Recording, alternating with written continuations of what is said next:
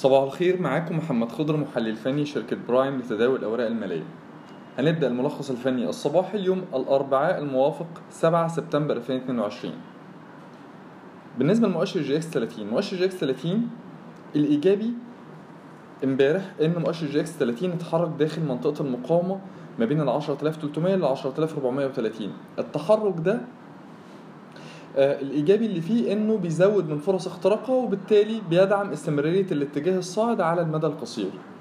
الإشارة الإيجابية الثانية هي ارتفاع قيم تداول مؤشر EGX 30 اللي تجاوزت المليار جنيه.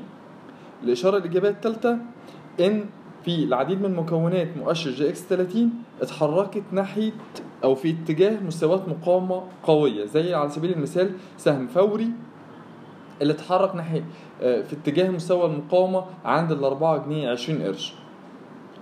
سهم زي مصر الجديدة للإسكان كسر مستوى المقاومة عند الستة جنيه أربعين قرش. فده بالنسبة لنا بيدعم آه، التحرك آه، أو الحركة الصاعدة على المدى القصير واستمرارية الاتجاه الصاعد على المدى القصير بالنسبة لمؤشر EGX 30 طيب إيه السلبي؟ السلبي إن هو أهم مكون من مكونات مؤشر EGX 30 كان بيتحرك تحت أو تداول أدنى منطقة المقاومة بين ال 41 ل 42 اللي هو طبعا البنك التجاري الدولي البنك التجاري الدولي من المهم بالنسبة لنا إن هو يكسر منطقة المقاومة دي لأن هو هيدعم قوة آه، آه، آه، الاتجاه الصاعد لمؤشر EGX 30 في حالة اختراقه لمنطقة المقاومة اللي إحنا قلنا عليها ما بين ال 41 ل 42 تاني إشارة سلبية برضو كان في تحرك مؤشر EGX 30 امبارح إن لا يزال سهم طلعت مصطفى وده إحدى أهم مكونات مؤشر EGX 30 بتحرك أدنى منطقة المقاومة ما بين ال 8 وربع ل 8 ونص.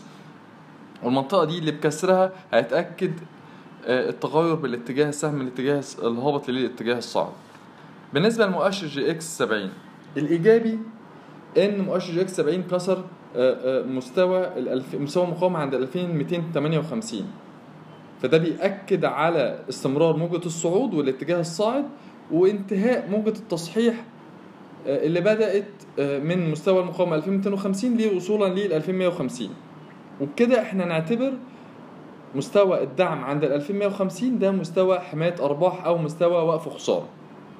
ده للمتداول قصير الأجل.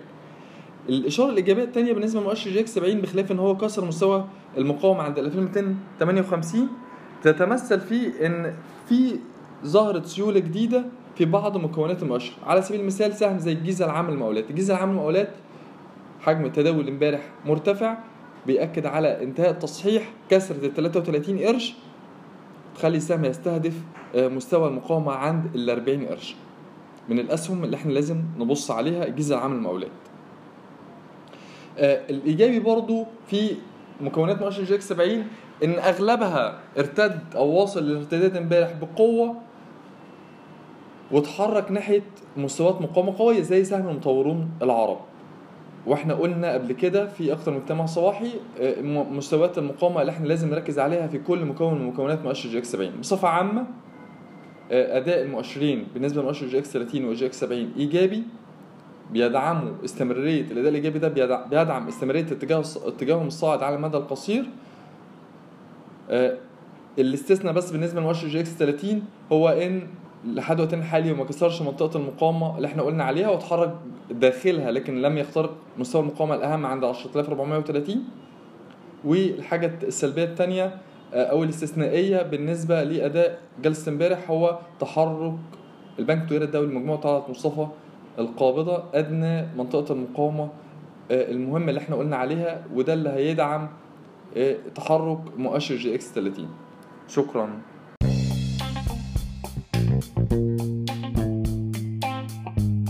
يرجى العلم أن هذا العرض هو لأغراض معرفية فقط ولا يمكن اعتباره عرض أو توصية شراء أو بيع أو إدارة استثمارات أو خدمات استشارية. ينصح باستشارة مستشارك المالي قبل اتخاذ أي قرار استثماري. الأداء التاريخي ليس مؤشرا يعتمد عليه لتحديد الأداء في المستقبل.